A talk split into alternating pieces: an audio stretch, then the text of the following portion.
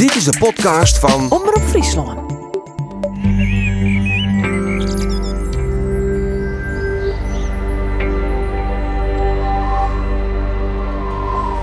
Dit is Beklimmers, de podcast. Is het platteland ta on een nij verhaal? In elk geval is dit dus maatschappij voor een soort verorings. En waarom zou het platteland dan net in voorop rennen kunnen? Is dus vraag. In de riege beklimmers van het vlakke loon. We op ziek naar die vooroprenners, de vernijende ideeën en de initiatieven. En aflevering Zoon gaat over democratie, dus bestuur. En Bart Kingma had praat met Casper van den Berg. Waar is hij, Bart? Hij is uh, heegleraar uh, Global and Local Governance. En Casper van den Berg is, uh, die werkt hier op de Universiteit in Ljout, University Campus Friesland. Um, en die had hem heel bot specialiseren in de verhouding tussen burger en politiek. Vooral ik op het platteland. Um, er is iets onderhoorn tussen burger en bestuur op het platteland. Er is groeiend wantrouwen. de sjoost ik dat op het platteland meer uh, reactionair stemgedrag is. Dus meer uh, uh, anti-establishment partijen, daar we meer op stemt op het platteland. Um, hoe kan dat? Nou ja, dat is wat Casper van den Berg onderzoekt. en ehm, daar wonen wij graag mee moha van. De, hoe kun je nou... Nee, eerst maar je zien van wat is er aan de hand tussen burger en bestuur. En vervolgens nooit denken van hoe kun je dat verbeteren. Want je kan ik zeggen, op het platteland ben mensen net zozeer alleen nog consument van hun omjouwing, maar ze vielen hun ik verantwoordelijk. Dus als ergens uh, uh, de burger vol bij bestuur belutsen wijzen kennen, zo, zo dat op het platteland wijzen kennen. Meer misschien als in, in stedelijke gebieden. En toch is dat net zo. Hoe kan dat? En hoe kun je dat beter krijgen? Maar die vraag ben we naar Casper van den Berg te gaan. Casper van den Berg, als we het hebben over uh, onvrede tussen bestuur en burger, is het dan daadwerkelijk zo dat die burger op het platteland ongelukkiger is dan in stedelijk gebied? Is dat gevoel wat, uh, wat we allemaal een beetje denken te herkennen van nou, de, de, de onvrede zit vooral op het platteland, is dat aantoonbaar juist? Nou, er is op dit moment, als je het hebt over maatschappelijke onvrede of maatschappelijk onbehagen, dat is eigenlijk iets waar we in Nederland over praten sinds de opkomst van Pim Fortuyn alweer twintig jaar geleden. Um, in het begin was dat vooral iets van de, het grootstedelijk gebied. Uh, oude stadswijken waarin uh, problemen rond uh, multiculturaliteit speelden, waarin mensen zich niet meer herkenden in hun eigen leefomgeving. Dat waren de mensen die door Fortuin aangesproken werden. Um, maar eigenlijk de laatste jaren zien we eigenlijk dat de aanwas van populistische partijen niet meer zozeer in het stedelijk gebied plaatsvindt, maar dat die aanwas juist aan de randen van het land plaatsvindt. En um, in die zin kun je dus zeggen dat er een soort van periferisering van de proteststem uh, optreedt. Uh, en dat is niet iets wat alleen maar in Nederland speelt. We zien dat eigenlijk in alle uh, westerse landen. Duitsland, Frankrijk, Verenigd Koninkrijk, Verenigde Staten... zie je hele vergelijkbare verschijnselen optreden. En um, ik denk dat je bij maatschappelijk onbehagen ook goed moet kijken naar wat is algemeen onbehagen. In de zin van um, uh, de toekomst wordt minder uh, florisant dan het verleden. Hè, welke kant gaat het op met de maatschappij? Um, en daarvan, kun je, uh, daarvan kun je natuurlijk onderzoek doen van hoe is dat verspreid over het land. En dan zien we inderdaad wel dat dat hoger is in plattelandsgebieden dan dat in stedelijk gebied is. Hoe kan dat? Nou ja, voor een deel kan dat samenhangen met, um, uh, met de mensen die er wonen. Want of je positief bent over de toekomst, of je vertrouwen hebt in waar het heen gaat met de samenleving, hangt voor een deel af van uh, je opleidingsniveau, je inkomensniveau. En um, gemiddeld gezien wonen er, uh, is, het, is het gemiddelde opleidingsniveau in plattelandsgebieden is wat lager dan in stedelijke gebieden. Dus dat noemen we eigenlijk samenstellingseffecten. En heel lang hebben we gedacht van het gaat over die samenstellingseffecten. Dus het gaat over individuele kenmerken die bepalen of men onbehagen heeft of niet. Dus het ligt eigenlijk aan de plattelanden zelf, want die is niet in staat of kansrijk genoeg om zichzelf nou, op te stuwen in de vaart der volkeren? Nou, dat zou, ik niet, uh, dat zou ik niet willen zeggen. Het gaat eigenlijk veel meer over dat mensen die hoog opgeleid en sociaal-economisch kansrijk zijn, die zijn weggetrokken uit het landelijk gebied. En de mensen die daarover zijn gebleven, die uh, zijn, hebben gemiddeld gezien uh, een, een, een, lager opleidingsniveau en een lager uh, inkomensniveau. Maar dat zegt niks over verantwoordelijkheid of, uh, of schuld. Dat gaat over de, de demografische samenstelling van het, van het platteland, om het zo maar te zeggen. Maar we hebben heel lang gedacht dat dat het verhaal was. Maar de laatste jaren wordt steeds duidelijker en komen steeds meer studies naar buiten dat het niet alleen maar daarover gaat, maar dat ook uh, de plek als zodanig een rol speelt. Dus niet alleen maar jouw individuele kenmerken, maar ook waar je je, uh, waar je, je bevindt. En dat heeft er dus, uh, dat heeft er dus mee te maken dat bijvoorbeeld voorzieningenniveau achteruit loopt. Heeft ermee te maken dat mensen zich niet gezien voelen, minder goed vertegenwoordigd voelen. Dat mensen het gevoel hebben dat zij niet het deel van de taart krijgen waar zij, ehm, waar zij, eigenlijk, wat ze eigenlijk verdienen. En uh, dat zijn dus sentimenten, dat zijn beelden. En in de wetenschap is natuurlijk onze taak ook om na te gaan of dat soort sentimenten ook kloppen.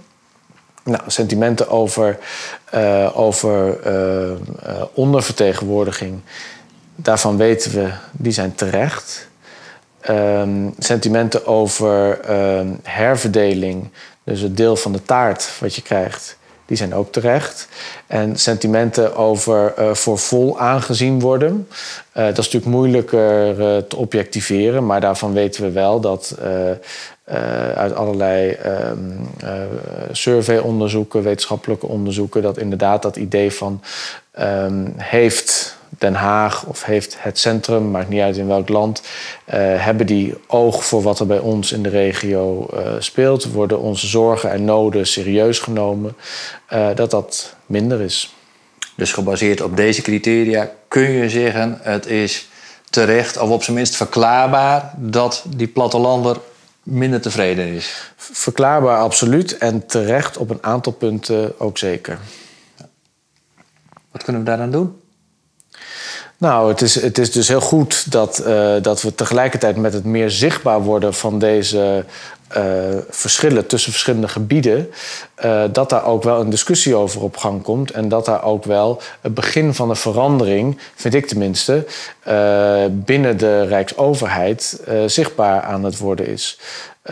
Denk bijvoorbeeld aan, aan de regio-deals die, die in dit kabinet, in het nu demissionaire kabinet zijn ingevoerd.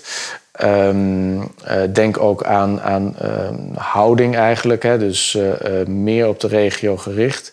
Op die regio-deals is natuurlijk ook het een en ander wel, wel aan te merken. Want je moet als een soort beauty contest moet je je best doen om dat geld te krijgen. Terwijl natuurlijk eigenlijk ja, geld ook uit de regio is, wat naar de schatkist in Den Haag gaat. En dan moet je daar moet je gewoon in staat gesteld worden om de opgave in jouw regio ook goed, goed aan te kunnen pakken. Maar je ziet wel dingen veranderen. Het, het dringt wel langzaam door dat als we in Nederland ten eerste de boel bij elkaar willen houden, geografisch gezien. Dat er iets moet gebeuren. En ten tweede dat het landelijk gebied um, heel belangrijk is, eigenlijk onmisbaar is om de grote opgaven waar wij voor staan, om die goed het hoofd te bieden. Dus denk aan de energietransitie, denk aan klimaatadaptatie, denk aan uh, waar ons voedsel vandaan komt, hoe we verder gaan met de landbouw uh, in dit land. Dat zijn allemaal thema's uh, die een enorm ruimtelijk beslag leggen op het landelijk gebied. Um, maar, en die we niet uh, zomaar kunnen laten lopen. En die ook heel erg in het belang zijn van de uh, grootstedelijke gebieden en de economisch meer bruisende gebieden, om het zo maar te zeggen. Dus die wederzijdse afhankelijkheid, die wordt op heel veel thema's die de politieke agenda van de komende tien jaar zullen bepalen, worden die steeds, steeds belangrijker. En dat is dus, uh, dat is ja, ik weet niet of je moet zeggen of dat goed of slecht nieuws is. Maar ik denk wel dat dat meer balans zal gaan brengen in die verhouding tussen uh, meer verstedelijkte en meer landelijke gebieden. Gaat die balans min of meer vanzelf komen? Want ik denk te zien dat er juist meer een kloof aan het ontstaan is tussen een stad en platteland. Dat je ook weerstand op het platteland voelt. Ja, wij mogen de problemen straks weer oplossen. Zij gaan het bedenken hoe wij het weer moeten oplossen. Ja, en dat is dus een keuze. Uh, dat is een keuze waar we nu voor staan. Uh, want uh, er zullen om al die grote ruimtelijke ambities die er nu zijn, om die te kunnen realiseren, moeten er ingrijpende ruimtelijke ingrepen gedaan worden in dat landelijk gebied. En gaat dat uh, goedschiks of gaat dat kwaadschiks? Dat is, een, dat is een keuze. We hebben enorme ruimtelijke ambities: woningbouw, landbouw, energietransitie. We moeten aan de bak voor, uh, voor klimaatadaptatie. Um, en al die dingen die hebben een hele grote impact op de ruimte in het uh, landelijk gebied. En wij denken soms, of vanuit het grootstedelijk gebied gedacht, denk je, het landelijk gebied, daar is ruimte, dat is leeg. Maar er zijn helemaal geen lege plekken in Nederland uh, meer. Dat is een mythe van de leegheid van het landelijk gebied. Elke vierkante centimeter, zo'n beetje, in Nederland heeft een uh, functie. En ook als het uh, bos is of als het natuur is, dan is dat een functie die bedacht is en uitgekiend is. En ook een functie die vaak onder druk staat. Dus we, het is een, een, vergissing om te denken van windmolens kunnen wel daar, want dat land is niet, um, is niet, wordt nog niet gebruikt. Ja, misschien in, uh, in de VS speelt dat, of in, uh, in Argentinië of in Canada. Maar in Nederland is dat niet eens een discussie die we zouden moeten hebben. Elk stukje land in Nederland wordt gebruikt. Elk stukje land in Nederland heeft gebruikers en heeft uh, belanghebbenden. En het mooie van de discussie over de energietransitie is natuurlijk dat. Um, er heel veel mensen die, groot, die daar jarenlang voor gestreden hebben, die wonen in het uh, grootstedelijk gebied. Uh, maar die gaan er wel van uit dat de uitvoering daarvan probleemloos kan plaatsvinden in het landelijk gebied. En bijvoorbeeld discussie die in de afgelopen periode in Amsterdam in, in Eiburg is gevoerd. daar wonen heel veel mensen die op partijen stemmen die, voor wie het niet snel genoeg kan gaan met de energietransitie, maar het liefst toch niet in hun gezichtsveld of te dicht bij hun. En er zijn hele legitieme redenen om dat niet te dicht bij je te hebben. Maar die redenen zijn even legitiem voor de mensen die in het grootstedelijk gebied wonen, als voor de mensen die in het, uh, in het landelijk gebied wonen. Dus dat begrip over en weer, dat moet meer, uh, meer komen. En um, uh, ja, op dit moment zie je daar dus de, de impasse als het gaat over de, over de energietransitie. Heel lang is het over eh, geld gegaan, heel lang is het over technische haalbaarheid gegaan. Maar nu is het gewoon een bestuurlijk probleem. Dat gaat over draagvlak en inpasbaarheid in de ruimte eh, in het landelijk gebied. Nou zijn dit enorm grote thema's waar we voor staan. Die klimaatadaptatie, energietransitie, de landbouw. Mhm. Lijken mij ook thema's die een sterk uh, bestuur nodig hebben om, om dit goed aan te kunnen pakken. We hadden al geconstateerd dat juist op het platteland er reden is om, om ontevreden of wantrouwend jegens het bestuur te zijn. Is ons huidige democratische bestel, onze huidige inrichting, staatsinrichting, is die ertoe in staat om, om, om, om hier doorheen te komen?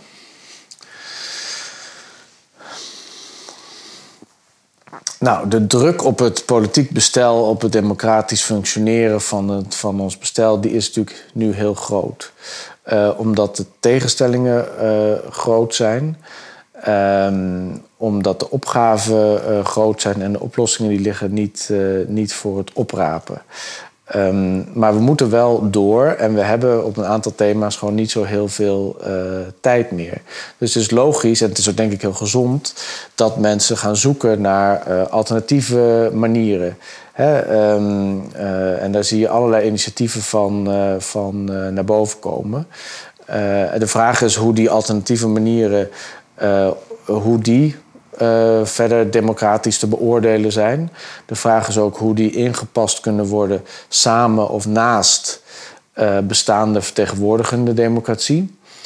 Um, maar dat je daarnaar gaat zoeken en dat je kijkt dat je elke, elke uh, innovatie daarin op zijn eigen merites moet beoordelen, dat, is, dat lijkt mij verstandig. Waar denkt u aan? Nou, ik ben zelf. ik vind het heel interessant om te zien wat voor nieuwe dingen er opkomen in de zin van right to challenge, in de zin van burgertoppen, allerlei initiatieven. Maar ik ben er ook, en dat hoort denk ik bij de wetenschappelijke kijk erop, ik ben er ook kritisch op. als je bijvoorbeeld ziet het voorbeeld wat jullie volgens mij ook in de uitzending gebruiken. Uh, van 45 mensen die een idee hebben over, uh, over gezondere leefstijl. En daarover met een plan, met een petitie, met een pamflet bij het provinciebestuur aankomen. Uh, dat is natuurlijk heel mooi. Dat is ook in de, sterk in de Nederlandse traditie van goed maatschappelijk middenveld. Initiatief van onderop, zelforganiserend vermogen. Dus dat is alleen maar toe te juichen. Maar tegelijkertijd zijn het 45 mensen. Uh, die, dat, uh, die dat aanbieden en die daarachter staan. Terwijl het provinciebestuur vertegenwoordigt 300.000 mensen in Friesland die gestemd hebben. En daar, zijn, uh, daar zijn, uh, is een zetelverdeling in provinciale staten uit naar voren gekomen. Daar is een coalitievorming uit naar voren gekomen. En daar zijn programma's die, die uitgevoerd worden. Dus aan de ene kant moet je ruimte laten voor innovatie. Aan de andere kant moet je ook ja, de orde van grootte een beetje in het oog houden. hoe vertegenwoordigend die 45 mensen dan zijn ten opzichte van die 300.000 die gestemd hebben in de afgelopen uh, provinciale statenverkiezingen uh, in Friesland. En het mooie zou natuurlijk zijn, want de vraag is van ja, maar waarom, waarom gebeurt het dan niet door de vertegenwoordigende democratie? Uh, het mooie zou natuurlijk zijn als deze 45 mensen met hun, met hun idee, en die 45 mensen die hoeven natuurlijk niet allemaal op dezelfde partij te stemmen, maar kunnen die via de Ehm, eh, de structuren van de politieke partijen hun belang, hun geluid kracht bijzetten. zodat het zijn weg kan vinden in de gewone vertegenwoordigende democratie. Zodat het gelegitimeerd is, zodat het, zodat het brede steun kan krijgen. Ik denk eigenlijk ja, ik ben toch wel een, een. ik heb veel geloof in de vertegenwoordigende democratie. One man, one vote. Iedereen kan meedoen. Uh, maar uh, dan moet het natuurlijk dan moet het dat bestuur wel aan verschillende voorwaarden voldoen. Het moet laagdrempelig zijn om, om mee te doen, om te stemmen, om actief te zijn. En het bestuur moet responsief zijn aan de voorkeuren en de wensen uit, uit de samenleving. En daar kan best, uh, daar kan best het nodige in, in mis zijn. En moet je dingen in proberen te verbeteren. Moet iedereen alert op blijven. Maar ik zie ook nadelen aan, aan uh, klakkeloos varen op een uh, toch een handvol mensen wat met een bepaald uh, voorstel komt. Die handvol mensen is in principe, als het goed gaat, een, een goede afspiegeling van de maatschappij qua samenstelling van die groep, de diversiteit in leeftijd, opleidingsniveau, et cetera. Het, het uitgangspunt bij zo'n burgertop is dat is eigenlijk het begrip wisdom of the crowd. De, de, ja. Dus er zit een wijsheid in onze maatschappij waarvan de initiatiefnemers zeggen die wordt eigenlijk niet, of in elk geval onvoldoende gebruikt uh, in de huidige democratie. Want we stemmen eens per vier jaar. En uh, dan verdwijnt alle macht via onze stem in die paar hoofden. En we denken dat die hoofden dan overal maar zoveel verstand voor moeten hebben dat die het elk probleem maar gaan oplossen. Maar daarmee gebruik je eigenlijk onvoldoende die, die wisdom of the crowd. Is in welke vorm dan ook die wisdom of the crowd op dit moment afdoende gewaarborgd in ons democratische systeem? Nou ja, kijk, deze gedachte is natuurlijk niet nieuw, hè, want dat is eigenlijk de basis van democratie als zodanig. Uh, dat mensen zelf weten wat uh, goed voor hun is. En dat mensen zelf als, uit de gemeenschap kunnen opstaan en, en daar het initiatief voor nemen. En dat is ook waarom, ehm, waarom de vertegenwoordigende democratie is, is opgericht. ik, ja, ik, ik, ik zal de eerste zijn om te zeggen dat lang niet iedereen zich gehoord voelt. En dat lang niet iedereen vindt dat, dat grote opgaven voortvarend genoeg worden, worden aangepakt. Um, maar ik heb wel uh, twijfels bij. Um, nou, nee, ik vind dat je, ik, ik vind dat je ook heel uh, alert moet blijven op dat soort innovaties. Het is goed als naast de vertegenwoordigende democratie een, een, een, plek hebben om dingen te signaleren, om dingen te agenderen. Um, maar ik denk ook dat natuurlijk kun je zeggen van die 45 mensen die, die zijn representatief in de zin van op allerlei biografische kenmerken, leeftijd, man, vrouw, waar ze in de provincie wonen, opleidingsniveau enzovoort.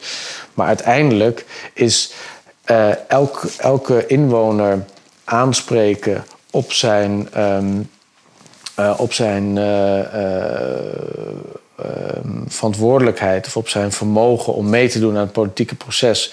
Door je te verdiepen in wat uh, politieke partijen, uh, uh, afgevaardigden van plan zijn, is denk ik een hele, een hele, goede, hele goede manier.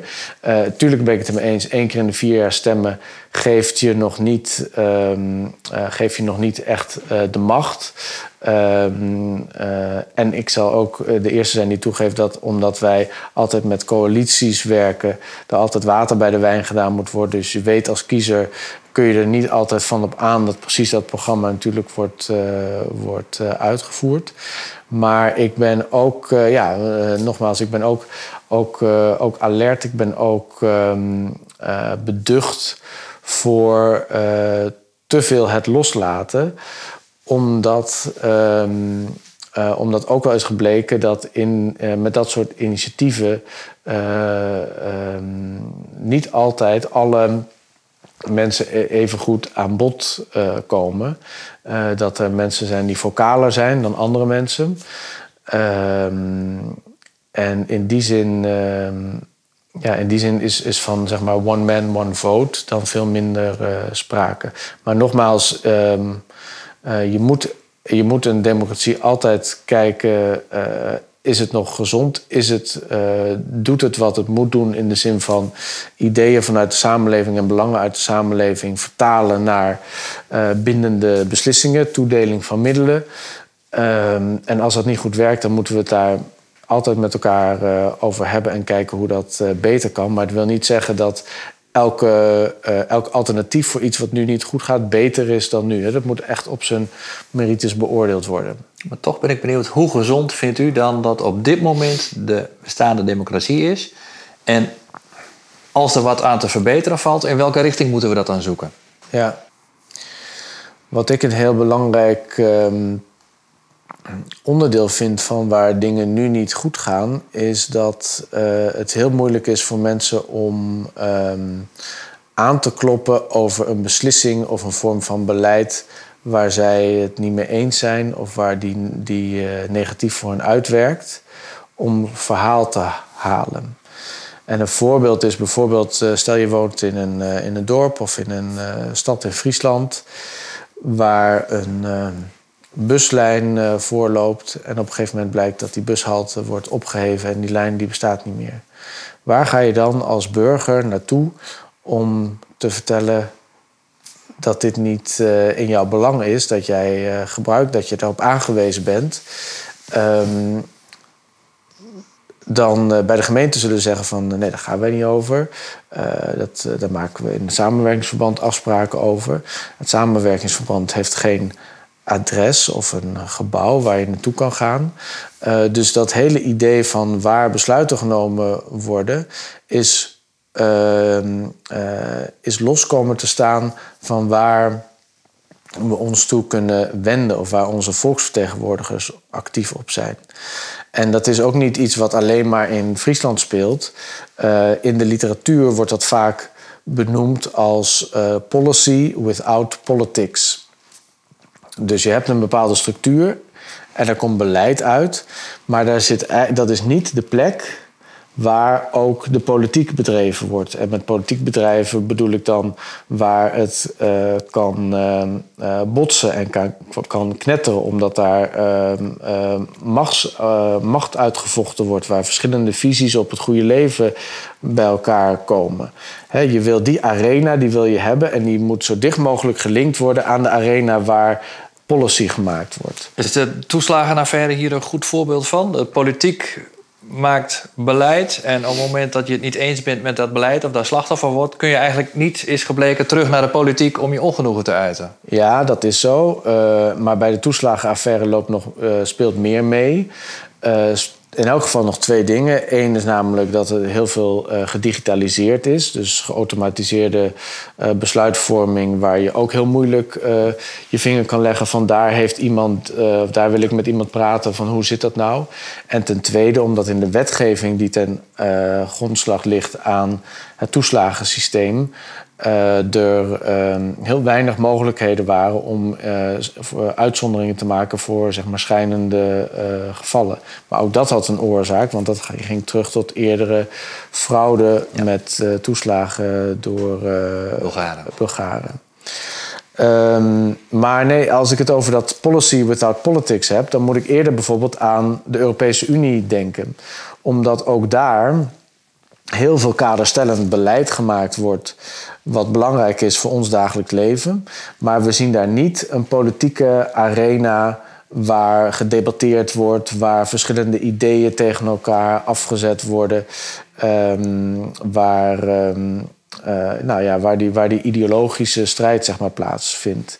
Die ideologische strijd die vindt plaats bijvoorbeeld in de Tweede Kamer, want daar, daar zien we elke dag als we willen uh, uh, op televisie de debatten over. Maar daar daar gaat het ook niet helemaal goed, want daar wordt heel veel gedebatteerd. En uh, wordt het allemaal steeds meer persoonlijk gemaakt enzovoorts. Terwijl dat niet meer de plek is waar veel van dat kaderstellend beleid gemaakt wordt.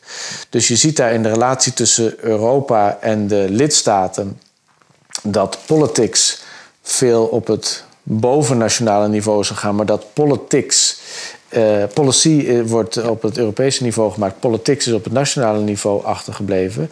En dat begint op een gegeven moment te schuren, want die politics die moet legitimeren wat er in policy gebeurt. En die uh, loskoppeling daarvan zie je niet alleen maar tussen het Europese en het nationale, maar ook eigenlijk dus in het lokale en het regionale, zou je kunnen zeggen. Uh, en dat zien we dus op heel veel verschillende niveaus. Dat um, uh, dat de plek waar het debat geleverd wordt, waar uh, met open vizier tegen elkaar gestreden wordt over waar de echte belangen liggen en hoe we problemen moeten oplossen, die is losgekoppeld van de plek waar eigenlijk besloten wordt over die bushalte of over die jeugdzorg, zeg maar. En we moeten, en ik denk dat dat heel belangrijk is, dat die dat die twee arena's, politics en policy, dat die dichter bij elkaar gebracht worden. Want dat levert echte transparantie op en dat levert echte responsiviteit op. En het idee dat je als burger um, uh, dat jouw input ook doorwerking heeft en dat er, van, uh, dat er verantwoording geleverd kan worden. Hoe krijg je die bij elkaar? Nou, door, uh, uh, eigenlijk door dat uh, bestuur, nationaal, maar ook binnenlands, iets minder ingewikkeld te maken. En de vraag is natuurlijk ook, hoe, hoe is dat nou zo ontstaan? En ook voor wie werkt dat positief uit dat het zo is? Um, want als het bijvoorbeeld over die, um, over die regionale schaal gaat, is het dus interessant dat wij een huis van Thorbecke hebben met die drie provincies en de waterschappen. Uh, en dat we de afgelopen... De drie, de drie, overheden. En de ja, de drie bestuurslagen. Ja, ja oh sorry. Ja. Um, ja, als, je het, uh, als je het hebt over het Huis van Thorbecke...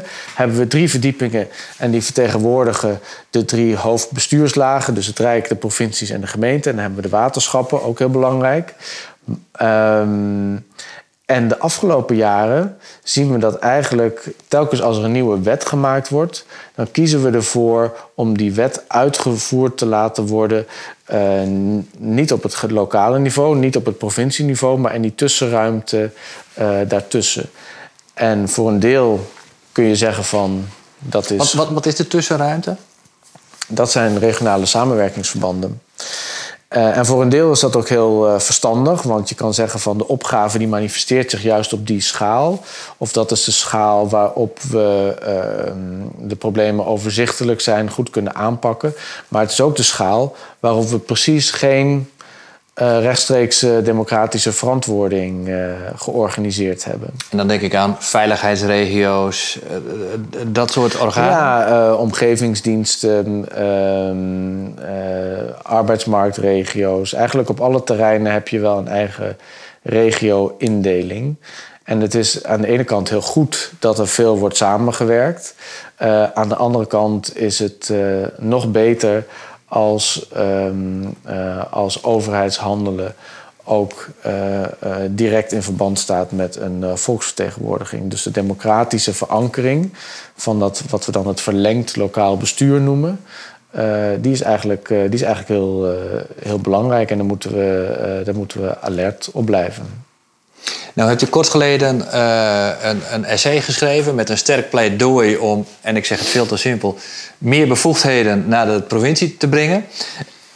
Met deze insteek om, om, om al die tussenlagen eigenlijk eruit te halen, zodat wij directer nou, kunnen kiezen?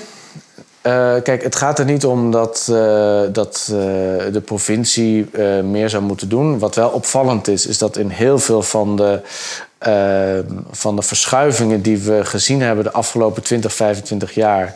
Het idee altijd was van uh, het kan overal naartoe, maar niet naar de provincie. Terwijl de provincie eigenlijk een hele gelegitimeerde bestuurslaag ook is. Uh, maar goed, dat, is, uh, dat ligt nu op heel veel thema's ligt dat nu anders. Mij gaat het er niet om dat ehm, de provincie beter is dan de gemeente. Maar mij gaat het er wel om dat als je een uh, publieke taak ergens neerlegt, dat het dan uh, de voorkeur geniet om ook op het niveau waar de publieke taak belegd is, je democratische verankering goed te regelen. En die niet al, te uh, indirect te maken.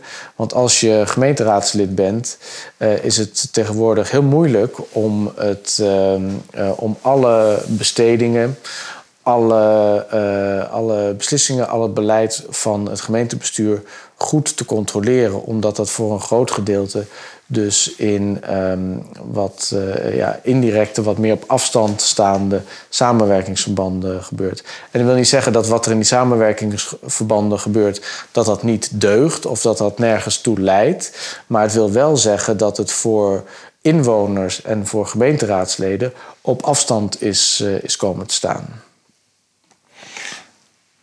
Maar nou zie ik nog niet helemaal hoe we dit kunnen oplossen.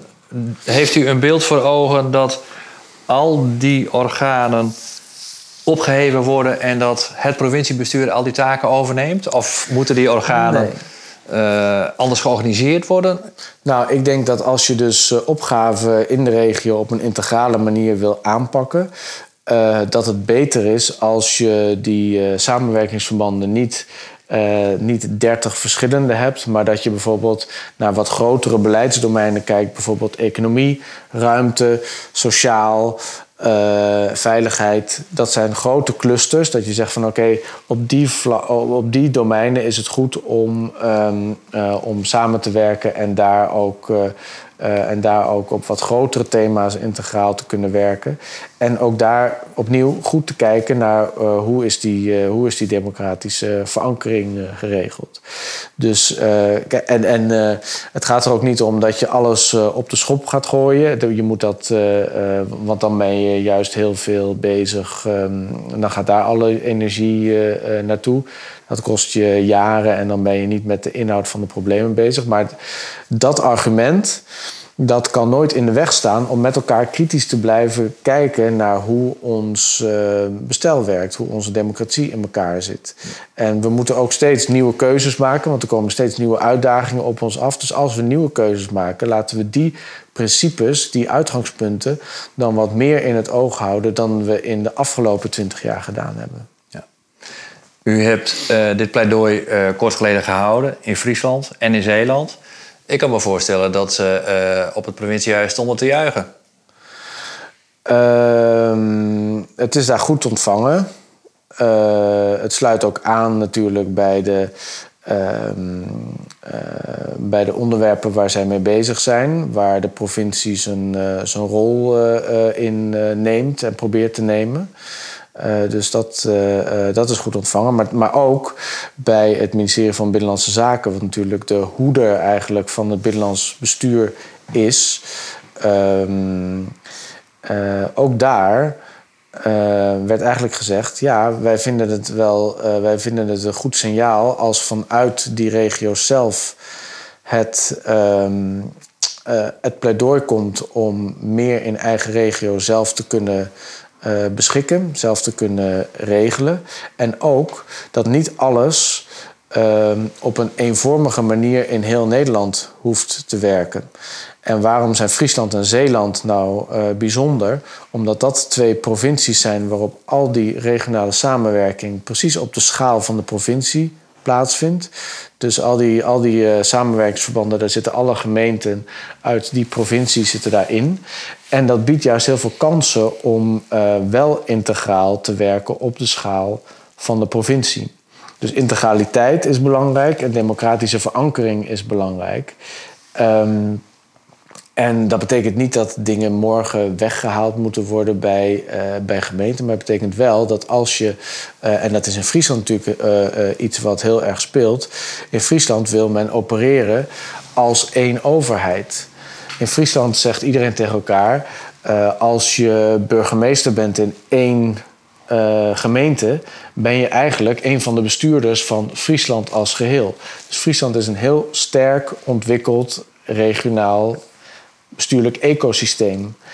Ehm, en dan moet je goed kijken. Uh, en dan moet je goed kijken. En dan moet je dus ook bij in Den Haag aan de bel trekken. Geef ons dan die ruimte om dat goed te doen in onze eigen provincie.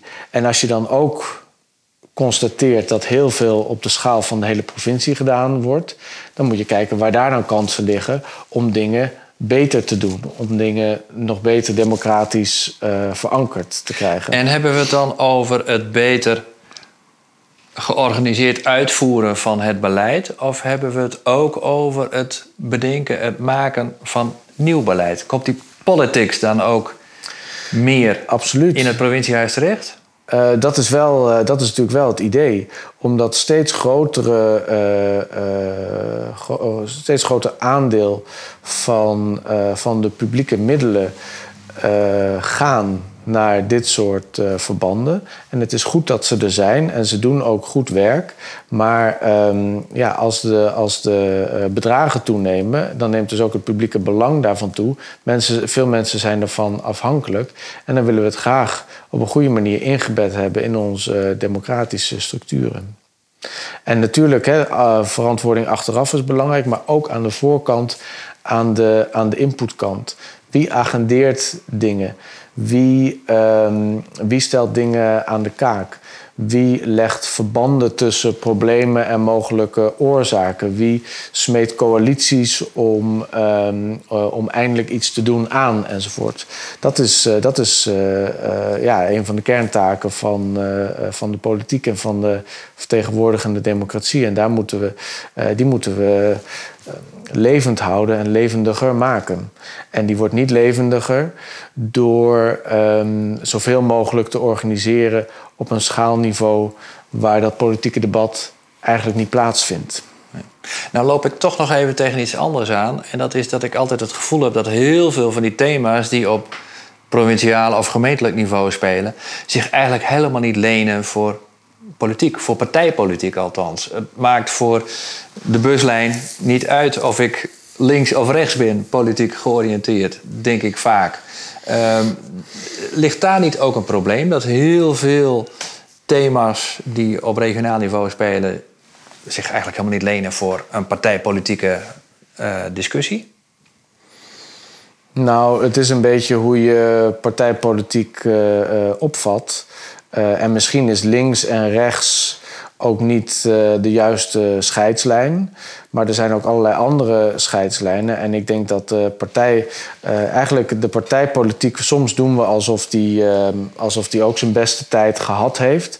Maar tegelijkertijd, als je kijkt naar allerlei nieuwe politieke partijen die opkomen, allerlei nieuwe thema's die aangesneden worden, allerlei nieuwe uh, scheidslijnen die, ehm, die benoemd worden en die zichtbaar worden in dat partijpolitieke landschap. Denk aan nieuwe partijen als, nou Denk, Volt, Bijeen enzovoort.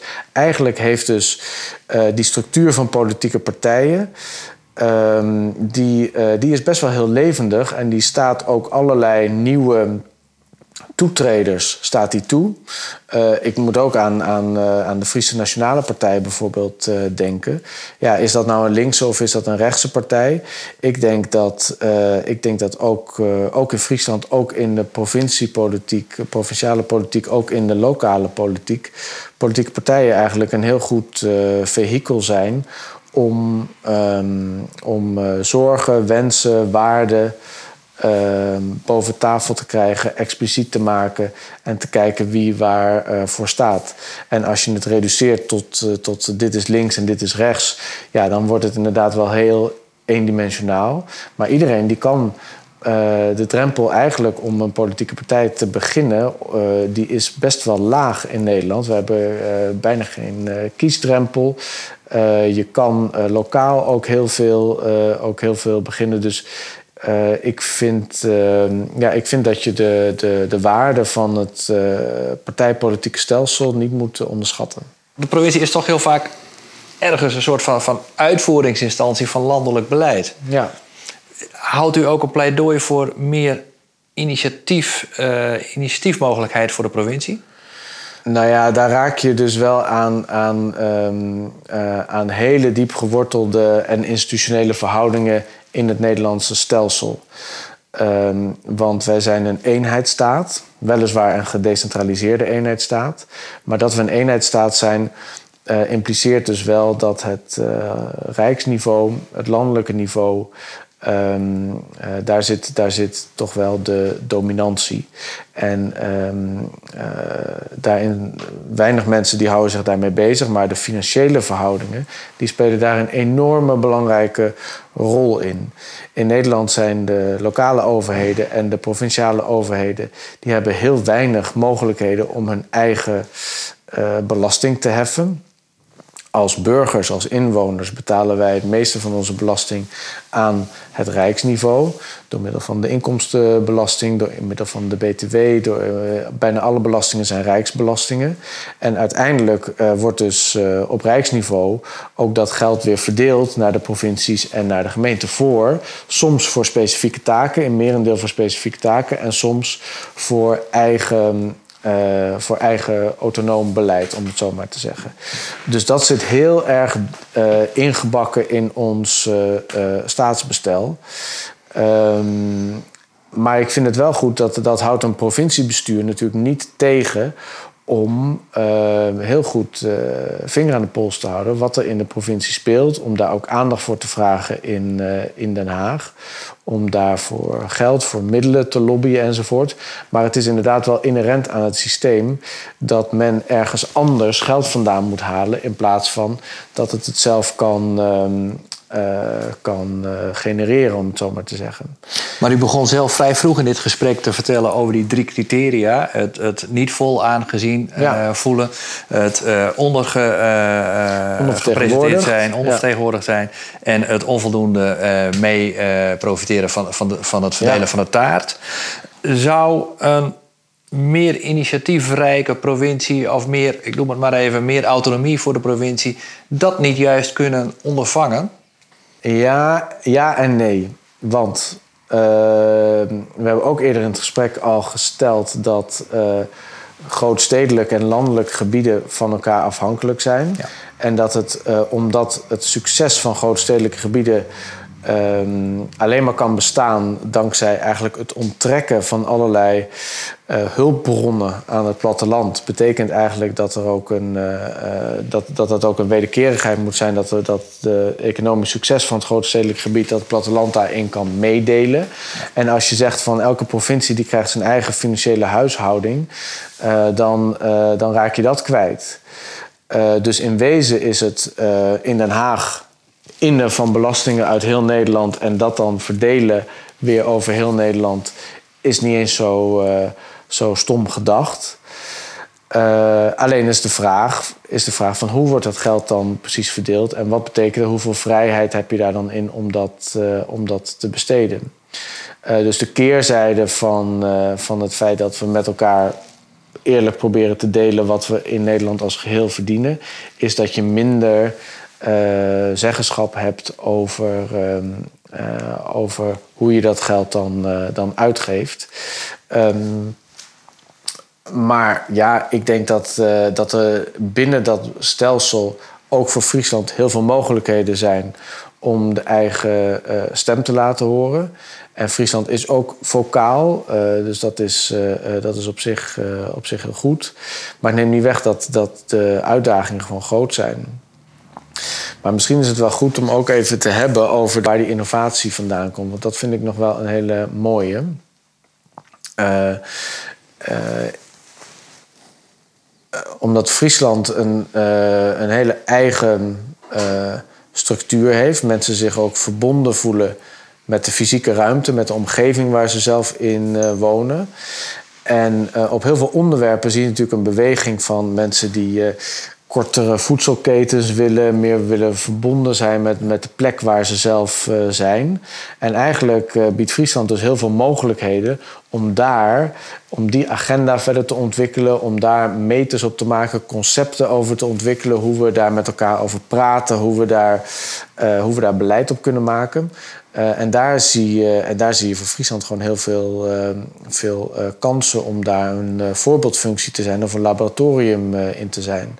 Je ziet heel veel initiatieven in de dorpen, grote dorpen, kleine dorpen, grote steden, kleine steden in, in Friesland waar dat, waar dat gebeurt. Mensen zijn betrokken, mensen voelen zich mede verantwoordelijk voor hun eigen, voor hun eigen leefomgeving. En dat is eigenlijk, dat zijn hele gunstige omstandigheden om dingen uh, anders te gaan doen en daarin een, uh, daarin een voorloper te zijn. Ja. Maar eigenlijk zeggen we nu twee dingen. Uh, mensen op het platteland en zeker in Friesland voelen zich mede verantwoordelijk en betrokken bij hun gebied. Dus dat is een hele gunstige voorwaarde om een goede relatie met het bestuur te hebben, omdat, omdat je jezelf ook bijna een klein beetje medebestuurder voelt van je eigen regio. Ja. Aan anderzijds constateerden we die onvrede eh, die juist op het platteland heerst. Is het idee van u om die provincie anders in te richten, meer bevoegdheden te geven, die tussenlagen eruit te halen, is, is dat idee afdoende om die gunstige voorwaarden te kunnen laten ontbolsteren? Of moet er nog veel meer gebeuren? Nou, ik denk dat duidelijkheid en transparantie en democratische verankering dat die, uh, heel belangrijk zijn. Maakt niet uit op welke schaal je iets uh, belegt. Ehm, en ik denk dat die initiatieven van onderop. Uh, en dat hoeft lang niet altijd. Mensen kunnen gewoon ook dingen gaan doen. Hè? Uh, lokale energiecorporaties en dat soort zaken. Uh, ik denk dat juist dat lokale initiatief in Friesland heel, heel een lange geschiedenis heeft, ook heel sterk is. En ja, dat, um, daar, daar komen hele mooie dingen uit naar voren. Um, uh, en ik denk dat je op die twee sporen eigenlijk moet zitten. Het, het, het, aanmoedigen van het initiatief van onderop. Maar initiatief van onderop is wat mij betreft niet 45 mensen, uh, 45 mensen proberen te laten bepalen voor een provincie waar 450.000 mensen uh, wonen omdat je daarmee, wat mij betreft, niet de breedte hebt die een representatieve democratie wel heeft. Uh, u had het over die lange geschiedenis in Friesland. Ja. Die gaat zelfs heel ver terug. Want we hebben natuurlijk dat beroemde fenomeen van de Friese vrijheid Absoluut. in de middeleeuwen. Ja. Waarin er eigenlijk geen centraal bestuur was. Nee. En waarin de mensen het onderling maar met elkaar moesten zien uh, uh, te rooien. Ja. eigenlijk zegt u nu in uw laatste minuten, met al die initiatieven die in Friesland spelen en die je ook, ook, eigenlijk de ruimte zou moeten geven, ja. Zou je op een of andere manier toch meer eigen inspraak uh, bij de bevolking neer kunnen leggen. Dus ik kom toch weer even op die wisdom of the crowd terecht. Ja, maar, die, maar ik zie dus eigenlijk geen fundamenteel verschil tussen wisdom of the crowd en gewoon goed lokaal bestuur door middel van Ehm, door middel van uh, de vertegenwoordigende democratie. Ehm, want ook, uh, uh, ook in de tijd van, van de Friese vrijheid, waarin waren het de, de dorpsoudsten en de hoofdelingen die ehm, onder de boom in Aurich bij elkaar kwamen om daar met elkaar afspraken te maken. En dat was heel egalitair. En daarbij kon iedereen zijn argumenten naar voren brengen. Uh, en werd ook met minderheidsargumenten rekening uh, gehouden. Uh, maar het waren wel ook afgevaardigden van. En ik denk dat er ook nu heel veel ruimte bestaat voor lokaal initiatief. niet alles hoeft ook via, via de overheid te lopen. Maar ik denk dat het, het, het, het afschrijven van de vertegenwoordigende democratie... dat dat niet uh, dat dat ons niet brengt waar we uh, naartoe uh, willen zijn. Afgezien van het feit dat het allemaal mooi klinkt, is het altijd zo inclusief als het lijkt uh, dat het is uh, als het over democratische innovaties gaat. Ik denk dat dat heel belangrijk is. Dat, dat je net de toetssteen moet hebben van... is het inclusief, kan iedereen eraan meedoen... dient het het publiek belang, worden ook uh, minderheidsbelangen meegewogen. En dat zijn allemaal onderdelen, die zijn allemaal ingrediënten... die we door schade en schande door de eeuwen heen... met elkaar hebben afgesproken van... oké, en daarvoor is die, die vertegenwoordigende democratie werkt die goed... Nou, we hebben, uh, iedereen kan een politieke partij beginnen. Iedereen die kan uh, steunverklaringen ophalen. Iedereen die kan meedoen als die, als die wil. En dan heb je nog steeds... want vergeet niet, wat ook heel belangrijk is... de rol van, de, van het publieke debat, de media. Mensen die pamfletten kunnen schrijven. Mensen die iets anders kunnen agenderen... met petities aan de gang kunnen enzovoort. Laat dat debat dat kan niet levendig genoeg zijn. Uh, maar maar ik ben er, ik ben er niet van overtuigd dat je dat, je, dat je het meeste vooruitkomt door die vertegenwoordigende democratie maar uh, af te schrijven en te verplaatsen met iets anders, wat, waarvan, we, waar, waarvan je grote vraagtekens kan stellen van hoe inclusief en hoe, ja, hoe vertegenwoordigend, hoe, hoe, hoe goed dat voor iedereen eigenlijk werkt. Want waar de, de vrees die ik daarvoor heb, is dat het dus een, een kleine minderheid van mensen die, uh, uh, die de tijd hebben, die uh, goed gearticuleerd zijn, die, die alle middelen hebben om, om hun eigen belangen ook goed naar voren te brengen, dat die daarin veel meer gehoord worden dan de mensen die daar allemaal niet over beschikken. En daarom zou ik veel liever inzetten op het meer mensen laten meedoen aan het bestaande politieke proces. Meer mensen proberen te activeren om politiek actief te zijn, om te gaan stemmen.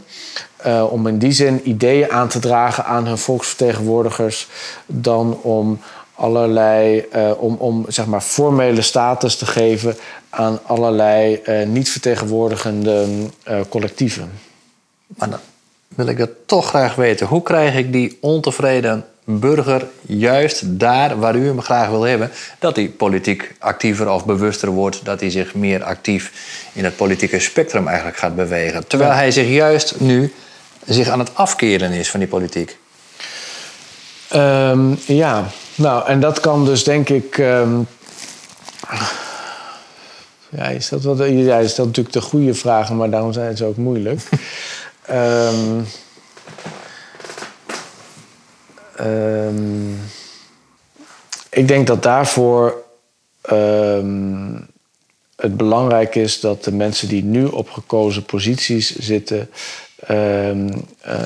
met open vizier ook dingen uh, benoemen over waar, waar pijn zit als het, als het om, uh, om uh, belangrijke beslissingen gaat, keuzes die gemaakt worden in de inrichting van, uh, van de open ruimte, in de toedeling van, van middelen. dat we met elkaar ook moeten benoemen dat, dat de energietransitie voor veel mensen ehm, niet goed uitpakt. In elk geval pijn gaat doen. Ja, pijn gaat doen. Dat het niet, niet, alles, niet alles kan tegelijk. Eh, we zitten dus aan het einde van een aantal van die beleidscycli. En daar moeten we nieuwe keuzes in gaan maken. Daar moeten transities in gang gesteld worden. Maar het is ook inherent aan transities dat die uh, winnaars en verliezers kent. En dat we niet onze ogen sluiten voor de mensen die verliezers van dat soort transities zijn. En moeten proberen om uh, de schade voor hun te minimaliseren. En in elk geval onder ogen te zien dat het heel legitiem is om daar ook uh, onvrede over, uh, over te hebben. En niet omdat, het, omdat de transitie noodzakelijk is, kunnen we nog niet toestaan dat dat dus eigenlijk um, een heel ongelijk, een ongelijkmaker in het speelveld is. dat, is denk ik, dat is denk ik heel belangrijk en een opdracht voor de nu zittende gekozenen. En ik zie eigenlijk in die vorm van uh, goed kijken wat iets betekent, niet voor het gemiddelde, maar voor afzonderlijke uh, individuen en groepen. En te kijken hoe je daar uh, mensen in mee kan krijgen, dat dat veel meer bijdraagt aan de geloofwaardigheid en kwaliteit van het bestuur dan. Um, dan wat ik aangaf, formele status geven aan eigenlijk niet vertegenwoordigende collectieven. Ja. Durft u ter afronding met mij 10 jaar, 20 jaar vooruit te kijken in dit thema? Zijn we dan op het platteland weer dichter bij dat bestuur gekomen en weer, hebben we weer meer vertrouwen in elkaar?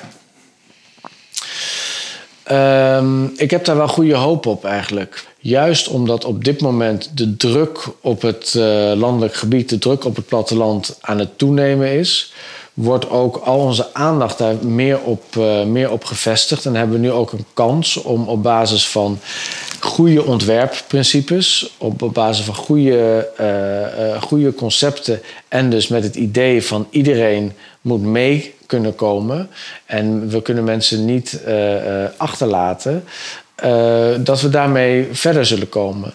En, ehm, en zeker ook het afgelopen jaar heeft voor heel veel mensen het besef dat de open ruimte en het landschap en hoe we dat beleven, dat dat een enorme waarde in zichzelf heeft. En dat dat niet eerst ook nog een economische waarde hoeft te hebben voordat we het eigenlijk gaan, uh, gaan waarderen.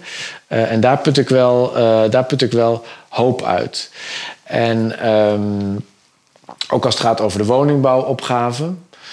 Uh, het heeft er niet zo heel veel mee te maken hoeveel woningen precies waar komen. Maar het heeft er wel mee te maken dat de kwaliteit van het ontwerp waarmee we dat doen, dat die uh, eigenlijk de ruimtelijke kwaliteit versterkt. Ruimtelijke kwaliteit is een enorme grote factor in hoe mensen zich verbonden voelen met een plek, of ze zich thuis voelen, of ze uh, verantwoordelijkheid voor die plek willen nemen.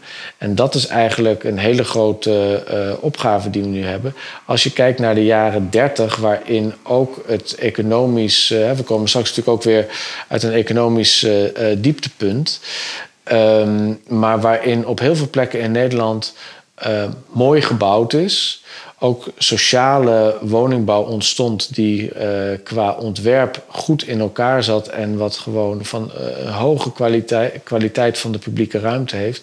En eigenlijk is denk ik onze opdracht op dit moment om daar wel uh, inspiratie uit, uit te putten. We staan, we staan voor keuzes die onvermijdelijk zijn en het is aan ons om daarbij invulling aan die keuzes te geven op een manier die niet, die niet voor vijf of voor tien jaar goed zijn, maar waar we echt nog heel ver voor vooruit kunnen. En of, we daar, of dat ons lukt, zal bepalend zijn voor hoe over 30 jaar het, uh, het platteland er ook, uh, ook bij ligt. Maar nogmaals, ik vind dat Nederland eigenlijk een heel vitaal platteland heeft. Als je het vergelijkt met andere landen, is, er helemaal, is, er eigenlijk, is het eigenlijk van hoge, hoge kwaliteit. Maar we zien ook dat het onder druk staat. Dus eigenlijk is het gewoon een hele interessante periode om nu goed te kijken hoe we hoe we kunnen zorgen dat we iedereen mee kunnen nemen, ondanks de transities die winnaars, en verliezers kennen, om oog voor de verliezers daarin te hebben en te zorgen dat we die erbij houden. en dus hoge kwaliteit ontwerp en hoge kwaliteit van de, van de fysieke ruimte. Dat zijn hele belangrijke onderdelen hier. En dat weer Casper van den Berg. Goed hoe je elke niet een mij kennen. Dan is het goed om even rest te nemen en alles goed te denken. En die rest die kun je ik vinden op het platteland. Maar wat doet dat precies met je In de volgende aflevering gaat het over bezinning en spiritualiteit op het platteland. Dit is Beklimmers de podcast, Makke Trog, Bart Kingma en Karen Bies. En zeg ik naar de Friesland Doc-serie op televisie of op internet, Beklimmers van het Vlakke Loon bij Omroep Friesland.